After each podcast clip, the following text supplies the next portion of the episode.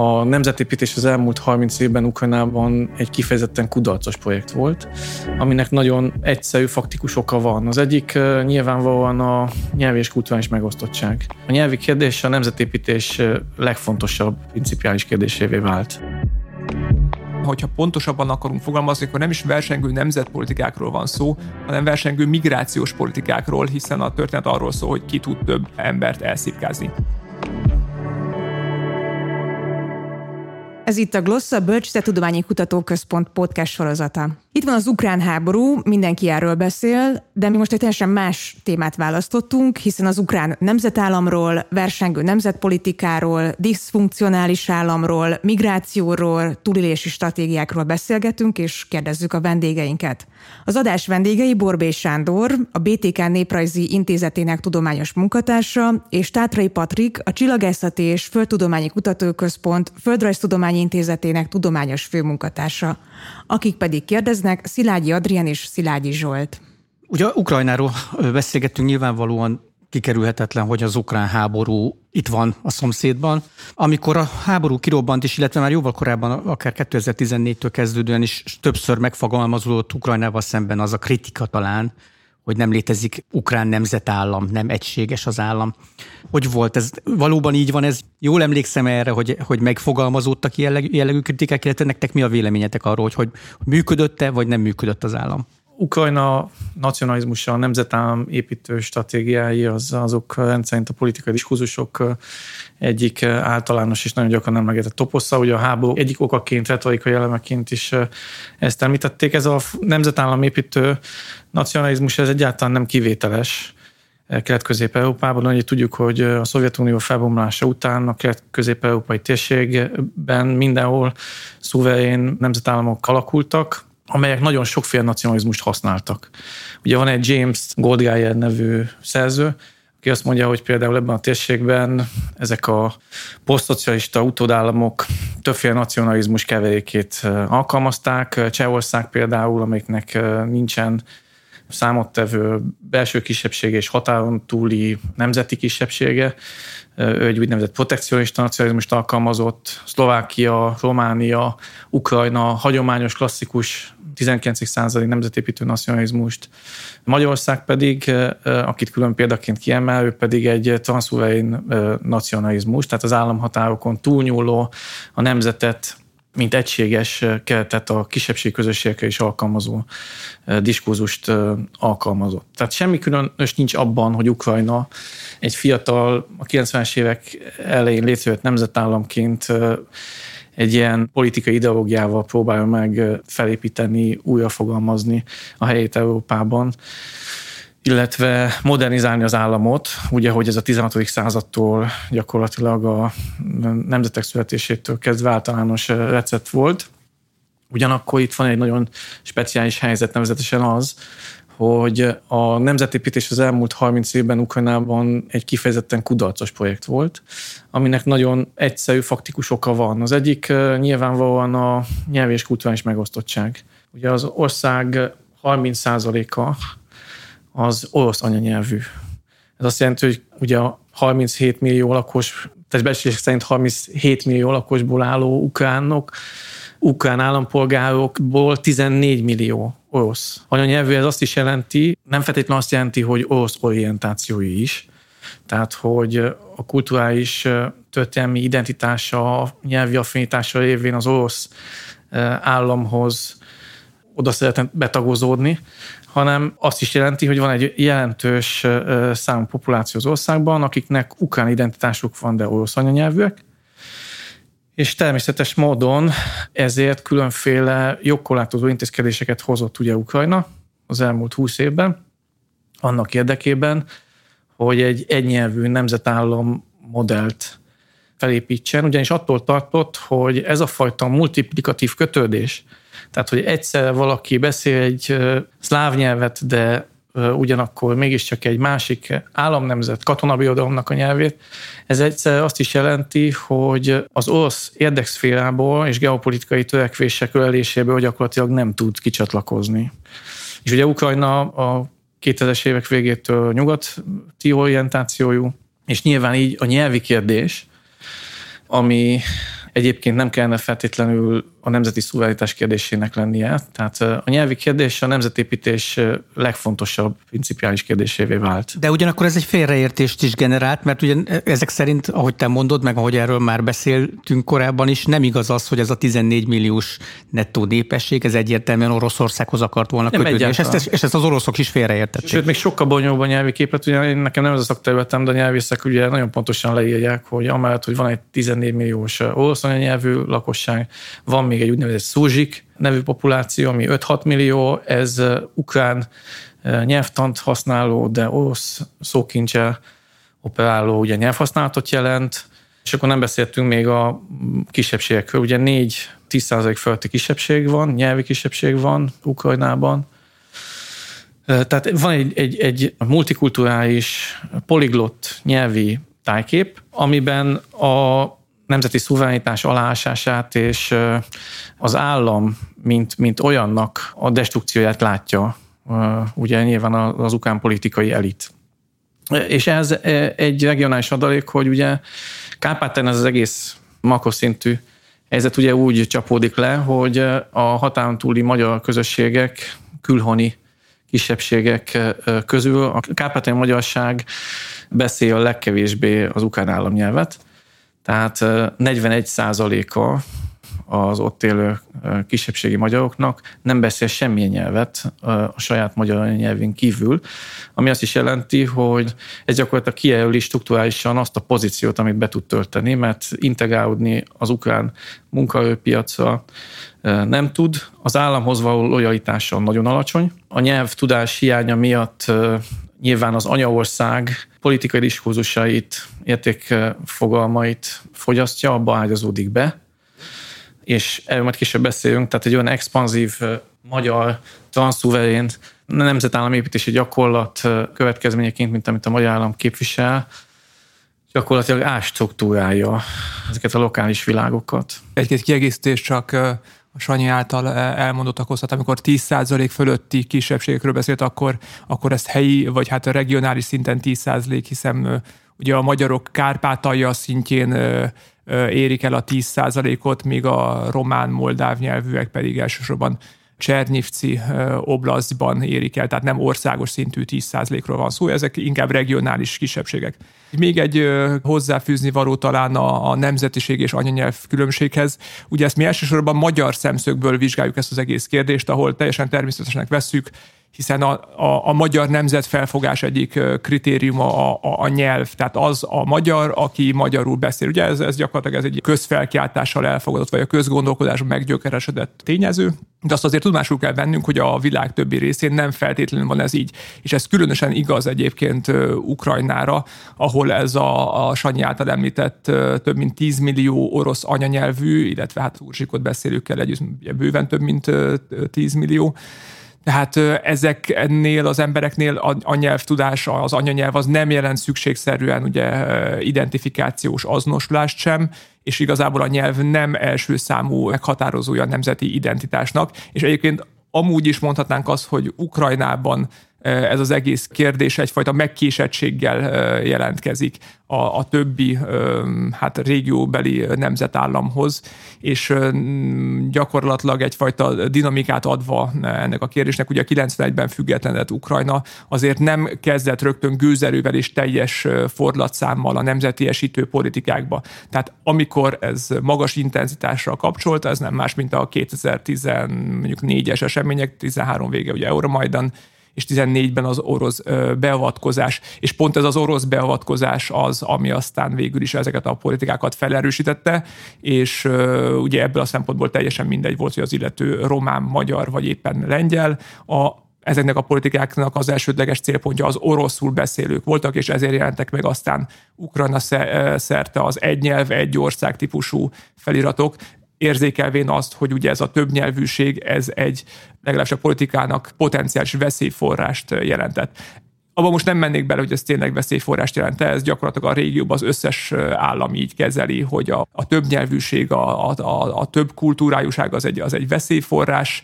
Ebben az esetben ugye az ukrán állam, az ukrán nemzetállam, mint ugye ezt a idei eseményből láttuk, egész hatékonyan hajtotta végre ezt a, ezt a nemzetiesítő kampányát, és végül is nyolc év alatt elég szépen azt gondolom, hogy egységesítette a nemzetet. Most Nyilván a kisebb csoportok természetesen maradtak, akik, akik, akik mondjuk a, az ukrán vonalon nem feltétlenül értenek egyet, de alapvetően azt gondolom, hogy ez egy hatékony politikának bizonyult. De akkor tulajdonképpen a nyelvre való hivatkozás ugye potenciális veszélyforrás is az ukránoknak, mert a politika hivatkozhat arra, hogy, hogy a nem ukrán anyanyelvűek nem ukránok, vagy kevésbé ukránok, ugyanakkor meg mégiscsak ők ezen keresztül is megpróbálták ezt a nemzetállam fogalmat, meg az identitást valahogy építeni.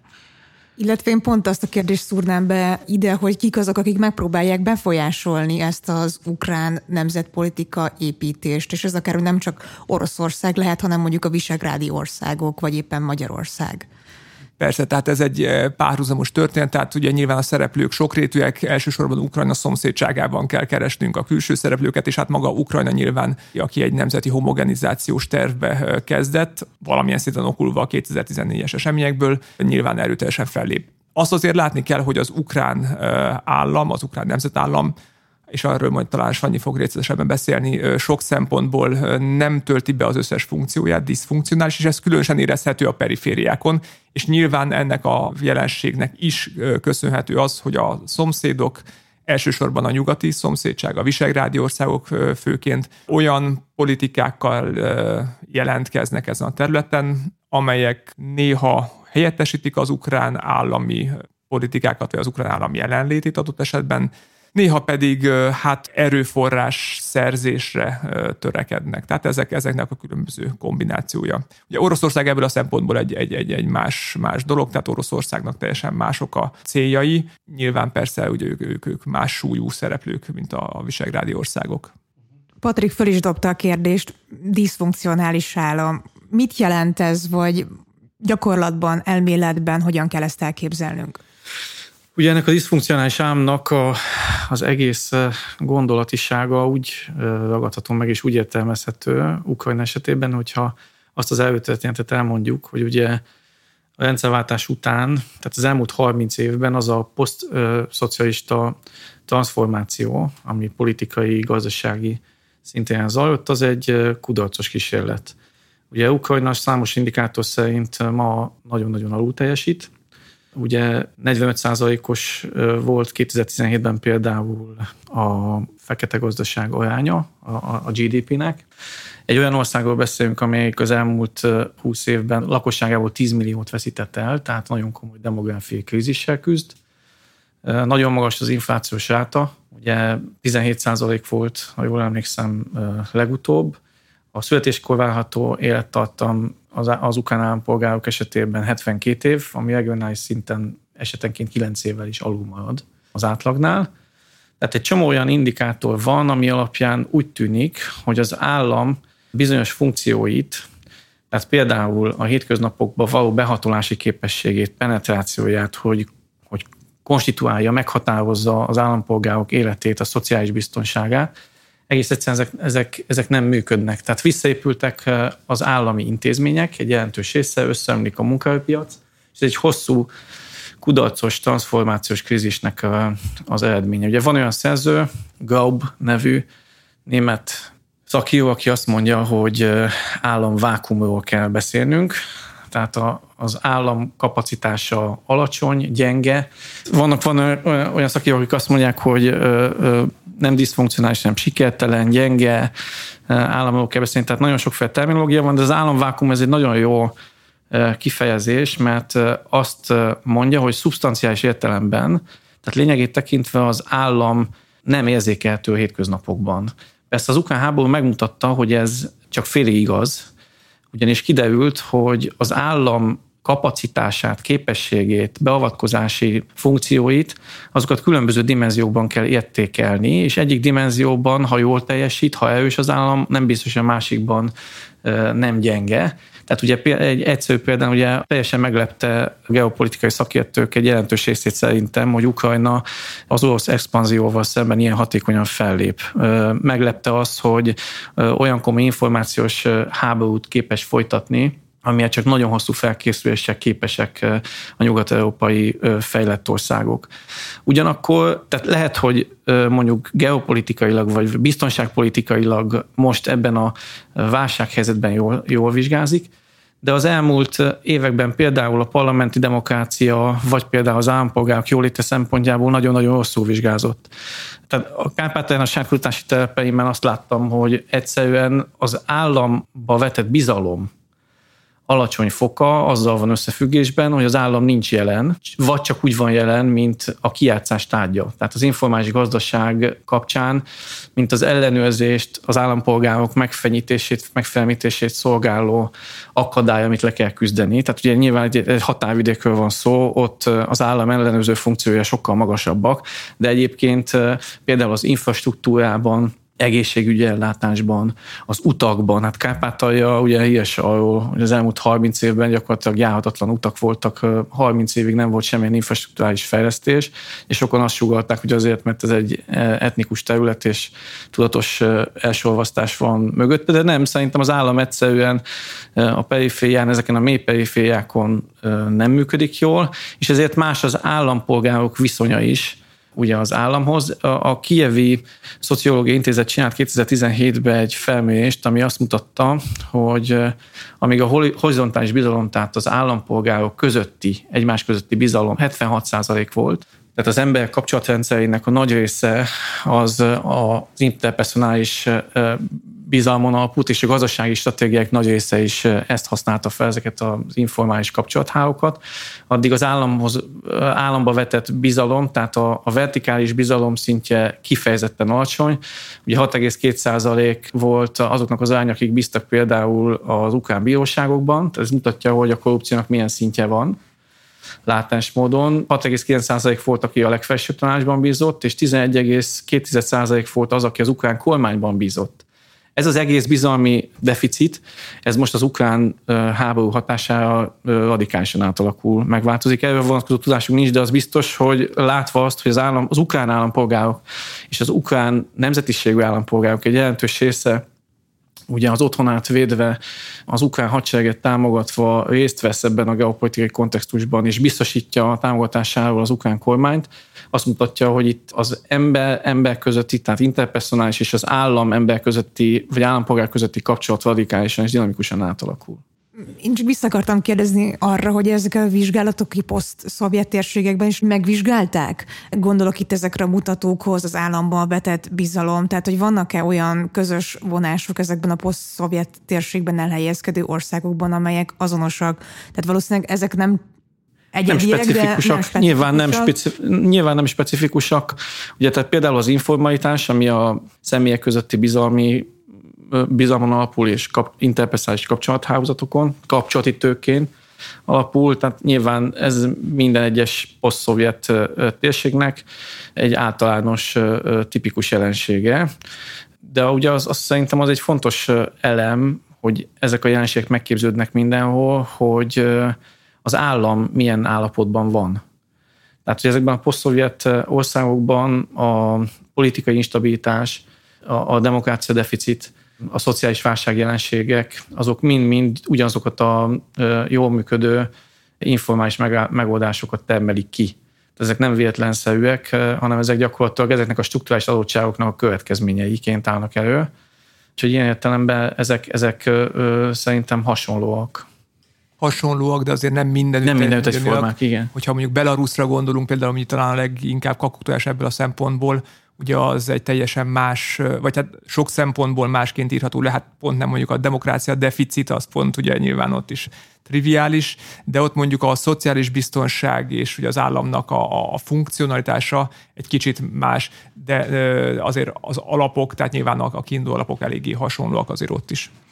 Én a diszfunkcionalitással kapcsolatban kérdezném még azt, hogy, a, hogy ugye nyilvánvaló, hogy a perifériákon ez sokkal jobban érzékelhető volt, de az van, van ellenpélda? Tehát el lehet mondani, hogy mit tudom én, a központi régióban, vagy Kiev környékén e, jobban működtek a szociális intézmények, az oktatás, vagy ez pedig ez, ez az egész... kérdés. Ugye ez egy 600 ezer négyzetkilométeres ország, hihetetlen nagy regionális különbségek jellemzőek rá, nincsen olyan univerzális képlet, amivel leírható minden egyes szegmense. Ugye nem, nem Ukrajna szakértő vagyok, hanem a saját telepemet ismerem, tehát Kárpátalja egy, egy partikuláris része ennek a hatalmas kiterjedésű területnek, teljesen különálló történeti, etnikai, kulturális sajátosságokkal, amik megkülönböztetik. Ja, és igen, tehát hogy, hogy a periférián ugye rendszerint ez is egy általános szakirodalmi tétel, mindig más az állam törvényeihez való viszony, egyszerre ugye ez az ellenőrzés pontja, ez a mély periféria, tehát egy hatásősödési meccéspontról van szó, ugye több ország találkozik, több ország felvonulási területe, ez azt is jelenti, hogy több típusú nacionalizmus is keveredik, több nemzetállamépítési stratégia van egyszerre jelen, multiplikatív kötődésű népességgel rendelkezik, ezért nyilván, hogy teljesen másképp titeleződnek fel, mint egy urbanizált városi gazdasági centrumterületnél ugyanezek a dolgok, tehát az államhoz való viszony döntően más. Én, én egyetemista koromban voltam, azt hiszem utoljára Kijevben, de kárpátaljai magyarként akkor is teljesen lenyűgözött, hogy mintha egy más országban járnék. Tehát egyszerűen az a fajta egzisztenciális színvonal, az nekünk annyira egzotikus volt. Tehát ugye egy rurális vidéki fausi társadalomból származom, édesapám és édesanyám is értelmiségiek, pedagógusként dolgoztak, de egyszerűen ott tapasztaltam meg, hogy tehát az európaiságnak valamiféle absztrakt elvont fogalmát ott, ott láttam, mint realitást. Tehát nyilván, hogy ebben benne van a gyerekkor nézőpontja is, tehát az, hogy idealizáltam valamelyest a dolgot, de, de egyszerűen az, az, az, az jött le, hogy akkor értettem meg, hogy ez az ország mennyire különbözik micsoda, micsoda léptékek választják el a centrumot és a perifériát. Én azt gondolom, hogy a centrum és a periféria viszonylatában egy nagyon jó indikátor, és nem csak a centrum-perifériáról van szó, hanem nyilván a diszfunkcionalitás különbségeiről, a gazdasági, a belső gazdasági egyenlőtlenségekről. Tehát egy nagyon jó indikátor tud lenni a, a migráció jelensége. Erre persze mindenféle felmérések voltak, amik hát azért se nem általánosak, se nem teljesen reprezentatívak voltak, de még mondjuk a 2014 előtti állapotokra azért sokat mondó volt, hogy már ugye akkor is nagyon jelentős volt a munkamigráció, helyenként az állandó kitelepülés is, és hogy ez a jelenség elsősorban a határhoz közelebbi régiókat jellemezte. És nem csak arra kell gondolnunk, hogy mondjuk Nyugat-Ukrajna az, amelyik jelentős kibocsátó volt nyugat irányban, hanem az orosz határmenti térségek is jelentős migrációs kapcsolatba álltak Oroszországgal, tehát azt kell elképzelni, hogy még 2014 előtt elsősorban több millió ember volt az, aki Oroszországban dolgozott. Sőt, mondhatnám azt is, hogy a, a, ugye a birodalmi ö, kapcsolatok egyik, egyik emlékenként, emlékeként, vagy megmaradt ö, maradványaként Kárpátaljáról is rengetegen jártak Moszkvába ö, dolgozni. Tehát Moszkva, mint birodalmi központ nem vesztette el a, a szerepét, aztán persze ez 2014 után ö, egyre csökkent. De a centrum-periféria különbségekhez visszatérve, a, a, egy térképre emlékszem csak erről a 2014 előtti időszakról, ami azt mutatta meg, hogy az egyes oblasztjokból, azaz mondjuk megyékből milyen mértékű volt a, a munkamigráció, tehát hogy mennyire a, a lakosság arányosan milyen mértékben érintette. Gyakorlatilag kettő megye emelkedett ki, Kárpátalja és Csernyivci megye, ugye, ami felteszi a lehetőséget, vagy, vagy felveti azt, hogy itt azért bizony ennek egy etnikai jellege is volt, hiszen az egyikben ugye a magyarok, másikban pedig a románok, moldávok képeztek jelentős arányt. Beszéljünk egy kicsit ezekről a versengő identitásokról. Ugye említetted Sándor, hogy, hogy ugye itt főleg a nyugati területen, és nyilván itt a V4 országok is szóba, szóba jönnek, itt, itt egymással versengő nacionalizmusok és nemzetidentitások is, is vannak. Ez hogy, hogy jelenik meg manapság Ukrajnában? Nekem az a tapasztalatom, hogy az egész versengő nemzetállamépítés ezen a kárpátaljai területen egyáltalán azért jöhet létre, mert van egy gyenge ukrán nemzetállam, az a fajta diszfunkciális állam, amiről az előbb beszéltünk. Ugye részben ezt a, az állam visszaszorulását kihasználva kelet-közép-európai posztszocialista országok, amelyek részben a saját gazdasági növekedésükhöz ugye szükségük van humán erőforrása, részben nyersanyagra felhasználják Ukrajnát ahhoz, hogy ezeket a szükségleteiket kielégítsék. A nem működő állam miatt Kárpátalja területén különféle nem állami és nemzetközi állami aktorok jelentek meg. Ugye a különféle tőkebefektető globális nagyhatalmak, és ez nem Kárpátalja érvényes inkább, hanem Ukrajna egészére, tehát az EU, Kína, az USA, ugye a rendelkezésre álló humán és gazdasági erőforrásokért nagyon komoly verseny folytat Ukrajnában. Ez a, nem, ez a, ez a globális szintű és befolyásszerzési kísérlet. Van egy államok alatt, alatti substate szintű ilyen szimbolikus térfoglalás, ami például a, az a Ukrajnában élő oligarchák gazdaság és politikai szerepvállását illeti, ugye az is egy beszélés alatt, hogy az 50 leggazdagabb oligarcha az ukrán GDP 45%-át birtokolta ugye még a 2010-es évek elején, addig, amíg mondjuk az USA-ban ez 4 Hát ez a gazdasági válság után lecsökkent 17%-a, de így is szerintem kívülően magas. Tehát, hogy ezek a korábbi államszocialista elitek, ugye a privatizációkor megvagyonosodott elitek bevásárolták magukat a politikába, fogjulejtették az államot, beavatkoznak, ugye ez is csak Ukrajnával fordul elő, hogy 2014-ben, amikor ugye kitört a kelet-ukrajnai konfliktus, akkor különféle paramilitáris hadsereget finanszíroztak oligarchák, tehát gyakorlatilag az, a modern nemzetállamnak az egyik ismérve az, hogy erőszakmonopóliummal rendelkezik, és ezt nem osztja meg. Ugye az oligarchák az állam bizonyos funkcióját átvállalva éltek ezzel az erőszakmonopóliummal, és gyakorlatilag integrálták őket a nemzetközi Oroszországgal folytatott katonai konfliktusba. Most is például az Azov sereg például, vagy hadtest, az is például egy ilyen oligarchától finanszírozott tudomásom szerint csoport, tehát van a nemzetközi szintén, van az államati szintén, és van a hétköznapok szintje, ahol pedig ugye ennek a, az állam funkcióit, diszfunkcionális működését, vagy alulműködését ellensúlyozó hétköznapi túlési stratégiák vannak. Ugye ennek az államszocialista korszakban is nagyon komoly infrastruktúrái kiépült hagyománya volt, a munkai lopástól a főnök kijátszásáig, a fusizásig, minden a blat rendszer, a kölcsönös szívességeken alapuló kapcsolatok, és egy sor más ilyen a szakirodalom által második gazdaságba, vagy fekete gazdaságba sort jelenségek, és ugye ezek egy része, tehát maga az intézményrendszer tovább élt a rendszerváltás után is, tehát az, hogy az állam ellenében megteremtsük a gazdasági lehetőségeket, a tőkét, tehát ezeket egyébként például Bölc József, aki sokat írt az informalitásról, tőke és piac helyettesítő megoldásoknak írja le. Tehát azt mondja, hogy a rendszerváltás után, mivel egy fejletlen piaci kapitalizmus volt a kelet-közép-európai térségben, ezért ezt a piacot és a nem létező tőkét szimuláló stratégiák alakultak ki, ezek az informális, az állami nyilvántartás kijátszó túldési technikák. Ugye Kárpátán innen a, határon, a határvidéki csempészet, fekete kereskedelem, üzemanyag kereskedelem, de akár a reguláris migrációnak egy, egy csomó típusa is, amiben nagyon sok informális elem van, egészen a útlevelek beszerzésétől a hatátlépést lehetővé tevő bélyegzők megvásárlásáig, tehát rengeteg, meg a fuvarozásig. Tehát ezek mind-mind, ezek, ez, az történt, tehát az egésznek a konklúziója az, hogy az egyik oldalon van az a diszfunkcionális állam, amit leegyszerűsítő módon hívunk így, tehát ennél sokkal bonyolultabb.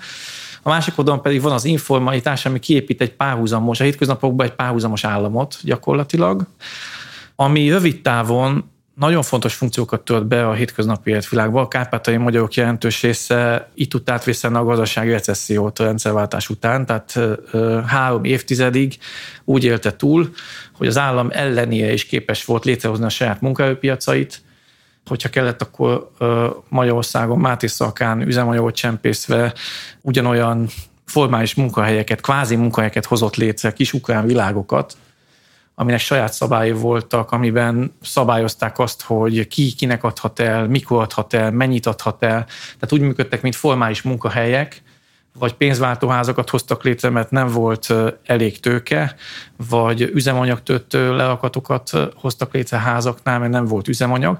Tehát ellensúlyozta az állami diszfunkciókat, rövid távon biztosította a megélhetést, tehát adaptációs értékét tekintve egy nagyon fontos elem volt, ugyanakkor intézményesítette az egyenlőtlenségeket is, ugyanis olyan egyenlőtlen tőkefelhalmozás zajlott, ezekben a lokális világokban épp azért, mert a hozzáférés ezeknek az informális hálózatoknak teljesen aszimmetrikus, ami pont ugyanolyan motorjaként működött például a migrációs folyamatoknak, tehát az elvándorlásnak, mint amilyen motorjaként működött a nem működő állam is. Tehát egyszer megoldott a rövid távon, hosszú távon pedig én úgy érzem, hogy mala adaptációhoz vezetett, tehát az alkalmazkodási képtelenség jelenségét hozta létre.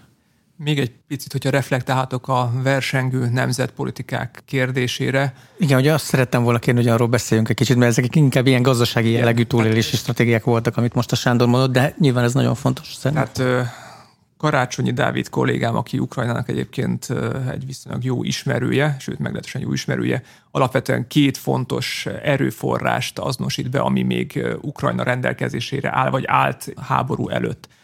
Ez a kettő pedig nem más, mint a termőföld, ugye a hatalmas kiterjedésű csernozjomtalajú szántóföldek, elsősorban Dél-Ukrajnában, a másik pedig a humán erőforrás.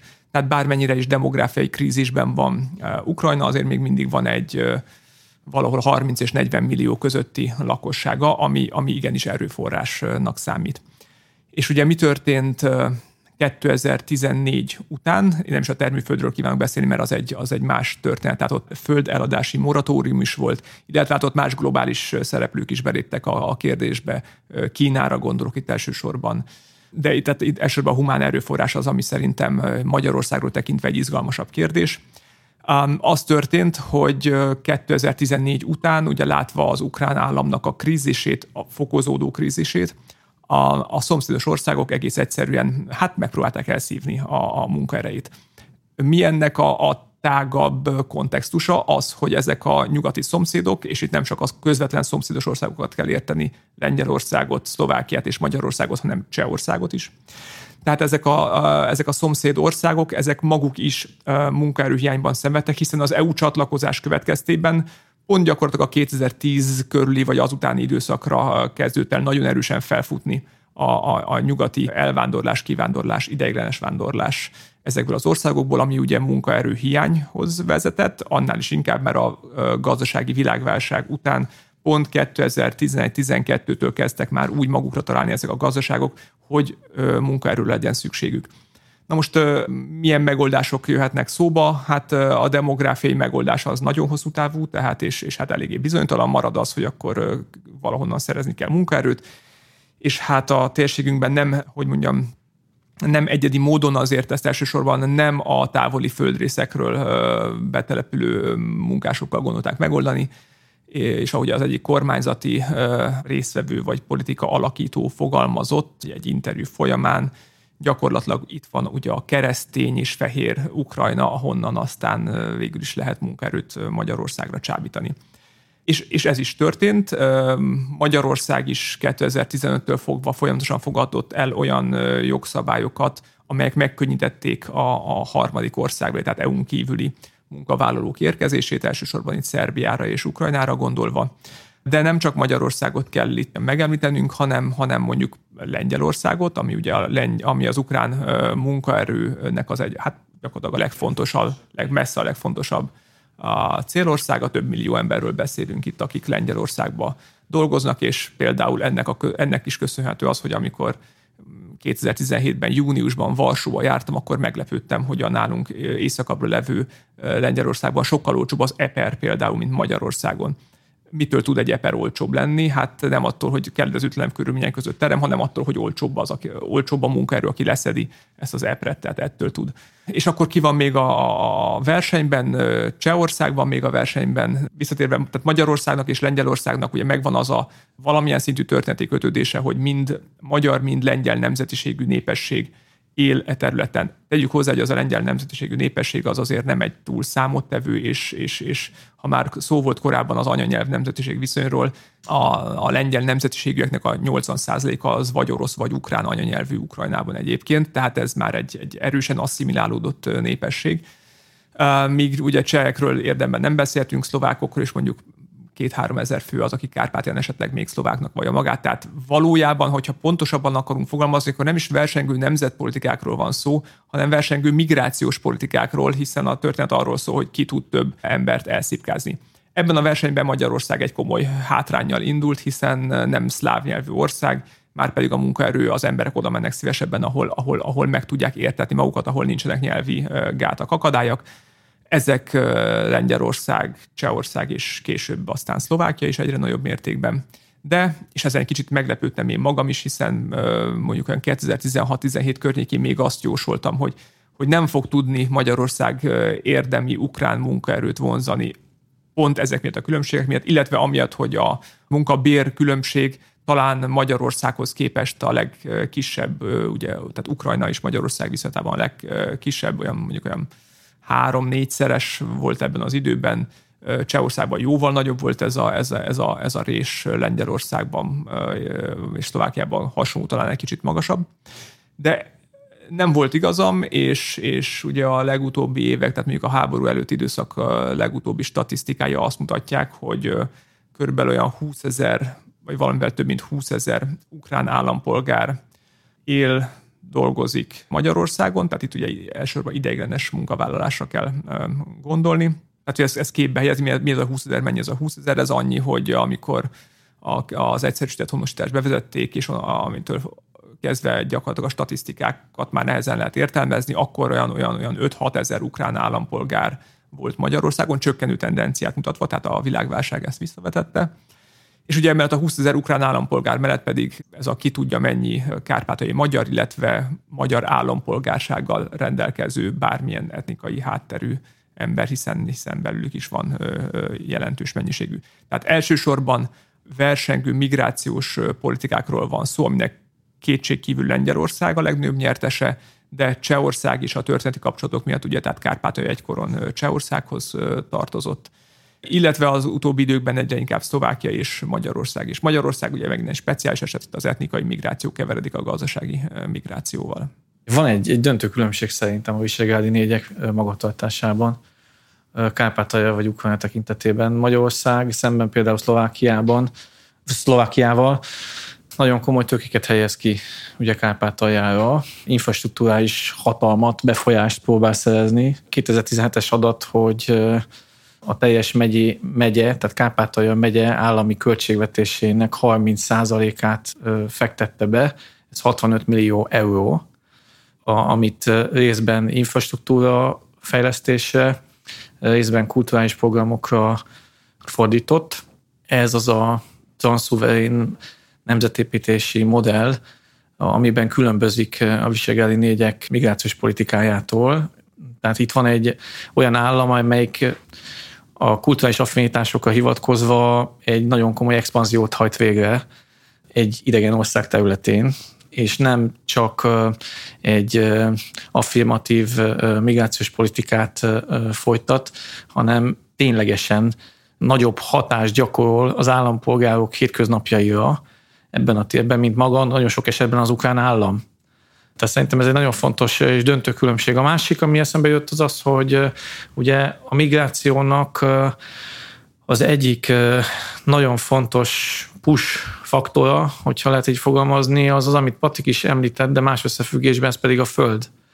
Ugye a rendszerváltás és a privatizáció az ponton igazságtanul zajlott le, ugye ebben a térségben is, mint Magyarországon, vagy a közép-kelet-európai térség nagy részében, de van egy sokkal drasztikusabb jelenség, szerintem az pedig az, hogy a legtöbb kárpátai magyar település, ugye ez egy rurális világ. Ugye azt hiszem, ha jól emlékszem, 579 falu van Kárpátalján, kevés városa. Tehát kifejezetten rurális, kevés iparral, nagy agrár termeléssel jellemezhető tér, és ugye a privatizációs folyamat végére, tehát a 2000-es évek közepéig gyakorlatilag a második világháború előtti birtokviszonyok álltak vissza, ami azt jelenti például az én tisztáti településeimen, hogy ugye van egy öt településből álló településcsoport, ahol több mint 5000 fő lakik. Ebből az 5000 főből 37 fő birtokolja vagy műveli a rendelkezésre álló termőterület 97%-át.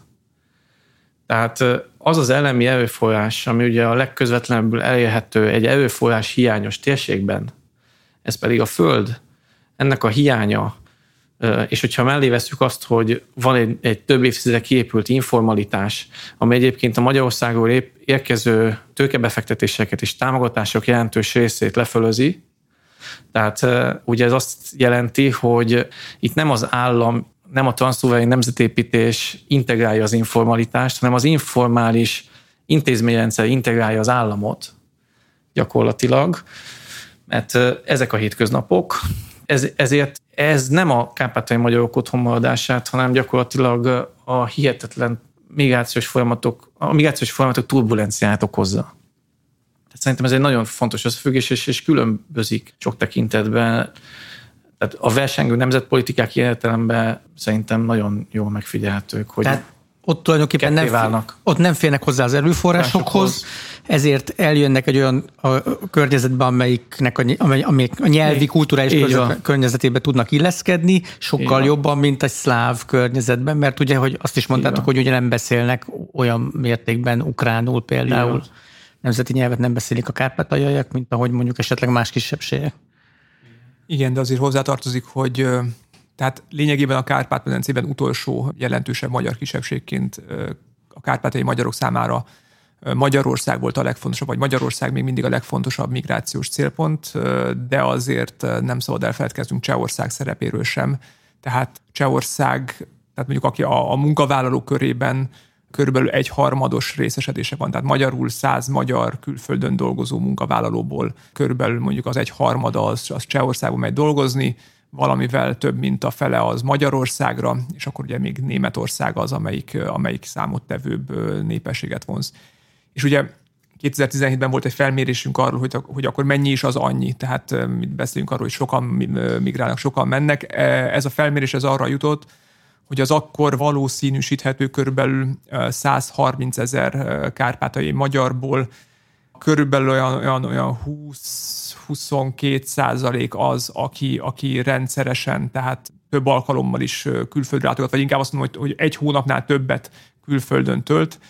Tehát olyan, olyan körülbelül 28-29 ezer emberről beszélünk, aki, aki, aki, aki legalább egy hónapot külföldön tölt. Ezek természetesen nem mind azok, akik dolgoznak vagy tanulnak külföldön, hiszen számtalan másokból lehet külföldre menni, családegyesítés, bármi lehet, de a, a lényeg az, hogy körülbelül az aktívak, tehát a kárpátai magyar aktívaknak a 30%-a az legalább egy hónapot külföldön tölt, és, és olyan mondjuk olyan, olyan 20 ezer ember az, aki, aki azt, azt gondoljuk, hogy, hogy, hogy munkamigráció vagy, vagy tanulmányi célú migráció keretében rendszer, vagy húzamosabb ideig külföldön tartózkodik. Az esetleg látszódik, mert nyilván nagyon korai a kérdés, hogy ez a kárpátai magyarság az hogyan alakul így a háborúval? Tehát nyilván van egy belső migráció, van egy már a háború elől való menekülés, tehát nagyon sokan felvetik ezt a kérdést, hogy a kárpátai magyarság eltűnik a háborúnak köszönhetően. Hát nyilván pontos számokról nem tudunk, tehát itt ilyen becslések, megérzések, folyamatokat lehet elsősorban látni. Ami látszik, hogy bárhogy is alakuljon, kárpátai magyarok ennek az egésznek a vesztesei lesznek, az egészen biztos. Um, mi az, ami, ami, ami látszódik? Nyilván a háborúnak az első napjaiban uh, rengetegen átjöttek, de ezeket nem annyira tudjuk uh, mérni, hiszen magyar állampolgársággal rendelkeznek, nagyon sokan közülük uh, akár még magyar lakcímkártyával is adott esetben, és hát természetesen az említett a számok miatt szinte mindenkinek van vagy valami rokona, vagy ismerőse, akinél akár hosszabb ideig is meg tud szállni. Tehát gyakorlatilag a magyar statisztika számára ők többé-kevésbé láthatatlanok. De az biztos, hogy nagyon sokan voltak, olyan becsléseket hallottam, de ezek tényleg csak ilyen, ilyen a hallottam kategória, hogy mondjuk a Beregszászi járásból a lakosoknak mondjuk az egyharmada. Ugye a Beregszászi járás az egyetlen magyar többségű járás Kárpátalján, tehát mondjuk a lakosoknak az egyharmada az átjött Magyarországra. Igaz vagy nem igaz, nagyságrendleg ez egy, ez egy, ez egy fontos kérdés.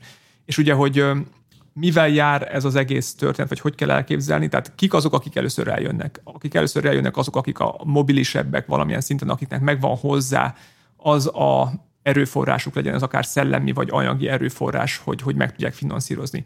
Lehetnek azok, akik már korábban is külföldön dolgoztak, és akkor nyilván ezekkel a kapcsolatrendszereken keresztül tudnak tartósabban külföldön tartózkodni. Egy biztos, akik jöttek, azok elsősorban a fiatalabbak közé tartoznak, tartozhatnak, és ha még, még feltételezzük is, hogy egy jelentős részük visszamegy, akkor is mivel kell számolni hosszú távon. Tehát ha minden más tényezőt változatlanak tekintünk, akkor is avval kell számolni, hogy a fiatalok távolmaradása az ugye a szülésszámoknak az elmaradását jelenti majd Kárpátalján. Tehát pont a fertilis legaktívabb korban levő népesség ment el valószínűleg a legnagyobb arányban. Ugye ez tovább ronthatja az amúgy sem túl kedvező kárpátaljai magyar demográfiai viszonyokat. Tehát ez egy meghatározó tényező.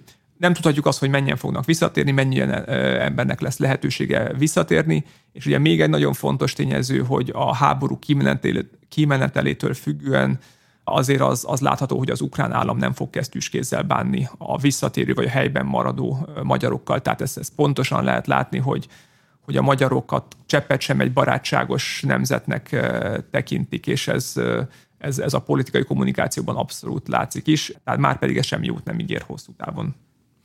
Én nem vagyok demográfus, nem foglalkozom a migrációval, de abból a néhány impulzusból, amiért, illetve amit olvastam, ugye az jön le nekem, hogy nagyon nagy a fluktuáció, ezért nem lehet pontos számokat mondani, de 120, illetve 360 ezer főre teszik azoknak a számát, akik belső Ukrajnából a háborús térségből érkeznek Kárpátaljára. Ez egy teljesen új, radikálisan más szituációt fog eredményezni, ugyanis a mostani háborús övezet jelentős része orosz ajkú területeknek tekinthető. Ez azt jelenti, hogy Kárpátalján egy több tízezes, demográfiailag is jól látható és beazonosítható karakteres orosz nyelvi csoport érkezik meg, akiknek ugyan az identitása lehet, hogy ukrán, vagy lehet, hogy multiplikatív, tehát több államhoz kapcsolódik, több szintérbe beágazott, de mégiscsak, mégiscsak más. Ugye a nyelvi tájképet átalakítja, másrészt azt is tekintetbe kell szerintem venni, hogy ezek az embereknek nincs hová visszamenni, a nagy részüknek. Ez azt jelenti, hogy helyben új infrastruktúrákat kell kialakítani, orosz nyelvű oktatást, a magyar településeken, amelyek befogadó települések, ortodox felekezeti vallásgyakorlási lehetőséget biztosítani. Ezen kívül nagyon fontos az is szerintem, hogy főként urbánus területű érkeznek, tehát egy rurális, kifejezetten agrárdominanciájú térségbe egy teljesen más értékorientációjú, fogyasztási preferenciákkal jellemezhető lakosság jelen meg, ami különféle értékkonfliktusokat, nyelvi konfliktusokat fog okozni. Másrészt van ez a makroszintű probléma, amiről Patrik is beszélt, hogy az állam hogyan tekint a helyi magyar kisebbségre. Ugye én azt láttam, hogy az elmúlt 30 évben egy nagyon erős szelekciós folyamat játszódott le, tehát azok maradtak ott, Kárpátalján, a magyar kisebbség körében, akiknek vagy volt már a rendszerváltás előtt is, vagy a privatizáció után gazdasági tőkéjük, vagy a magyarországi különféle gazdaságfejlesztési programok révén megtalálták a számításukat, és meg tudtak élni. Ugye ez egy nagyon alacsony mobilitási potenciál rendelkező populáció volt, aki ott maradt. Az orosz-ukrán háború ezt viszont radikálisan megváltoztatta. Ugye azzal, hogy az aktív korú népesség, a férfi lakosság hadköteles lett, és az államhoz való lojalitás alacsony, és mondom, a magyar államhoz való lojalitás értelmszerűen magas, nem akartak háborúban részt venni, ez is érthető. Tehát az aktív, gazdaságra aktív népesség nagy része ugye eljött, teljesen átalakultak a helyi viszonyok, ugye el lehet képzelni azt, hogy ugye több mint 70 napja zajlik a háború, nem tudom 80, pontosan, 80? 80. Tehát február 24-e óta, hogy milyen oktatás lehet a kárpátaljai magyar településeken, az a generáció, aki most érettségizik, például túl egy Covid válságon, ugye Ukrajna ugye 105 ezer ukrán állampolgár halt meg a, a COVID idején, 4,4 millió fertőződött meg, tehát az állam alulműködését ez a válság csak növelte, tehát el lehet képzelni, és akkor is ugye az oktatás színvonala, mint ahogy a legtöbb akár nyugat-európai országban is azért jelentősen csökkent, tehát el lehet képzelni, hogy milyen, milyen állapotok vannak, az infláció hatalmas nagy, teljes a kilátástalanság, ugye ezen az agrárvidéken, akik őstermelésből érnek, már összebeket, hogy fektessenek ahhoz, hogy ezt az évet ugye el tudják kezdeni, ezért nagyon nehezen adták fel ugye a fausi társadalomba a hátországukat ezek az emberek, de kimozította őket. Tehát ugye nagy dobbanyi kistérségbe, ahol legutóbb kutattam, ott azt hiszem, hogy 500 menekült volt egy, egy színmagyar, a legnagyobb kárpátaljai magyar faluba. Ugye 6000 fős település. A tiszáti településeken ezer fő. Tehát olyan radikális változásokat okoz ez a fajta spontán népességcsere gyakorlatilag, amihez szerintem az elmúlt 60 évben nem volt példa. Az informális kapcsolatok, meg mégis tulajdonképpen a, a gazdaság szürke zónájáról van szó, oligarchákról, maszekosokról, csencselőkről, szabálysértőkről, tehát hogy ennek a kutatása hogyan tud zajlani, vagy mennyire nyitottak, hogy beszéljenek arról, hogy milyen szabálysértéseket végeznek, vagy a hétköznapokban ezt tulajdonképpen hogyan is kell elképzelnünk. Tehát engem még ez mozgatott. Hát nyilván az én esetem speciális, ugye ott születtem a Tiszaháti településeken, ezért személyes kapcsolat van, tehát nem kutatóként tekintenek rám, hanem legalábbis bízom benne, hanem ugyanannak a lokális életvilágnak a tagjaként tekintettek rám. Kell egy bizalmi viszony, hogy az emberek azt a gazdasági stratégiát, amitől a hétköznapjaik és az egész egzisztenciáik függ, tehát abba beavassanak. Határ, mint a hétköznapokat konstituáló tényező, az annyira benne van a hétköznapokban, tehát az, hogy kvázi formális munkahelyként működik, naponta kiárnak, vagy minden egyes család érintett valamilyen módon a migráció valamilyen formájában. A túlélésnek ezek a technikái olyan mélyen beágyazottak, hogy gyakorlatilag nem tekintik normaszegésnek, tehát a helyi életvilágban, ezért szerintem, hogyha van egy bizalmi viszony, nagyon könnyű kutatni is. Tehát ugye az, hogy ugye van egy angol nyelvű szerző, hogy különbséget tesz a, az informalitásban az szerint, hogy mit tekint az állam törvénytelnek, és mit tekint a helyi társadalom illicitnek. Mik azok a tevékenységek, amiket az állam szabálysértésnek minősít, és a helyi társadalom pedig csak egy tradicionális szokásgyakorlatnak, és a kettő egyáltalán nem ugyanaz. Tehát például a csempészet, ami a 90-es évek elején még egy normasértő gyakorlat volt, volt olyan interjúpartnerem, aki azt mondta annak idején, még a 2000-es évek elején is, hogy ugye az egy szégyen, mert a, aki, aki csempész lesz, annak nincs mit veszítenie, és ez valószínűleg tehát egy nagyon alacsony társadalmi státuszból jön, ezért nem kockáztat semmit, és hogy ez csak egy időszakos gazdasági gyakorlat.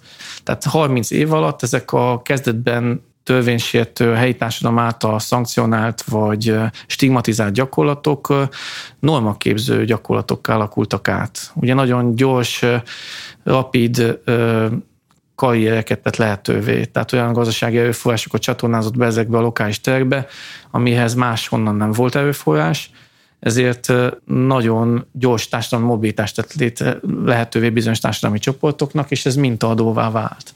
Tehát ma büszkeséggel lehet beszélni egy csempész életútról például, és nagyon izgalmas, hogy a különféle kocsi vásárlásokat teszik meg az élettörténeti fordulópontok kijelöléséhez, határ kijelöléséhez. Tehát a, gazda, a gazdasági a, gyarapodás bizonyos így van. fokozatai. Így van. Nekem csak egy dolog jutott eszembe, még pedig a, a migráció kapcsán, amiről talán még nem beszéltünk, és még van egy-két érdekes aspektusa a migráció hatása ugye a helyi társadalmakra gyakorlatilag. Tehát, hogy milyen hatása volt annak, hogy lényegében már 91 óta kibontakozott a külföldi e, munkavállalás migrációnak egy, egy, egy elképesztő volumene. És ugye ez, ez nagyon egy érdekes jelenségekhez vezetett. E, elsősorban e, amiatt, hogy, hogy kik, tehát kik azok, akik hátra maradtak ezekben a falusi társadalmakban, és, és nagyon izgalmas, hogy amikor két év, három éve elkezdtünk egy, egy kutatást, akkor elsősorban egy interjús kutatást kikkel tudtunk interjúzni nőkkel. A faluban nem maradtak férfiak gyakorlatilag, és mindez azt is jelentette, tehát mivel a migráció már normává vált, tehát ugye, mint ahogy a Igen. csempészkedés is kvázi normává vált, ugye a migráció is normává vált, és már inkább az volt a furcsa, vagy arra tekintettek hát normaszegőként, aki nem vett részt ebbe a migrációban, tehát aki nem a külföldi munkavállásból akarta mondjuk adott esetben előteremteni a pénzt, hanem mondjuk bármilyen tevékenységgel, de, de otthon akart megélni, az már arra már kicsit kezdtek furcsán nézni. És ugye ezek a, a, a, a hát hogy mondjam, torz összetételű, mert azért itt egy nemi torzulás következett be, tehát az, hogy gyakorlatilag a nők otthon, a férfiak pedig külföldön, tehát ez rengeteg-rengeteg problémához és, és érdekes jelenséghez vezetett. Egyrészt mondjuk a közösségi tevékenységben is, hogy például nincs, aki a templom körül lekaszálja a füvet típusú problémák kezdve a, a gyerekeknek a, a nevelése és a szociális fejlődése, vagy pszichológiai fejlődése, inkább így mondom. Tehát rengeteg helyen számoltak be arról, hogy hogy a gyerekek kezelhetetlenné válnak, hogy ugye az apa hiány miatt, hát torsz családfelépítés, vagy, vagy hiányos családfelépítésnek ilyen mellékhatása is vannak. De ugyanakkor azt is tudomásul kell venni, hogy a kettő kiegészíti egymást. Tehát azok, akik otthon maradnak, azok biztosítják azt, hogy a férfi el tudjon menni, a férfi pedig tudja biztosítani azt, vagy a munkavállaló, legyen az most férfi vagy nő, hogy otthon tudjon maradni az a közösség. Tehát igazából ezt az egész kérdést ezt egy egységként kell kezelni, nincs egyik a, a másik nélkül, de mindez tipikusan a kárpátai falusi térségben van bezárva, akár is nézzük, mert bár a, a, a külföldön élők hoznak mintákat, kulturális mintákat magukkal, mégiscsak ugye ebben az igazi normák azért ebben a közösségben születnek, amihez, amihez alkalmazkodni kell migránsoknak is, otthon maradóknak is.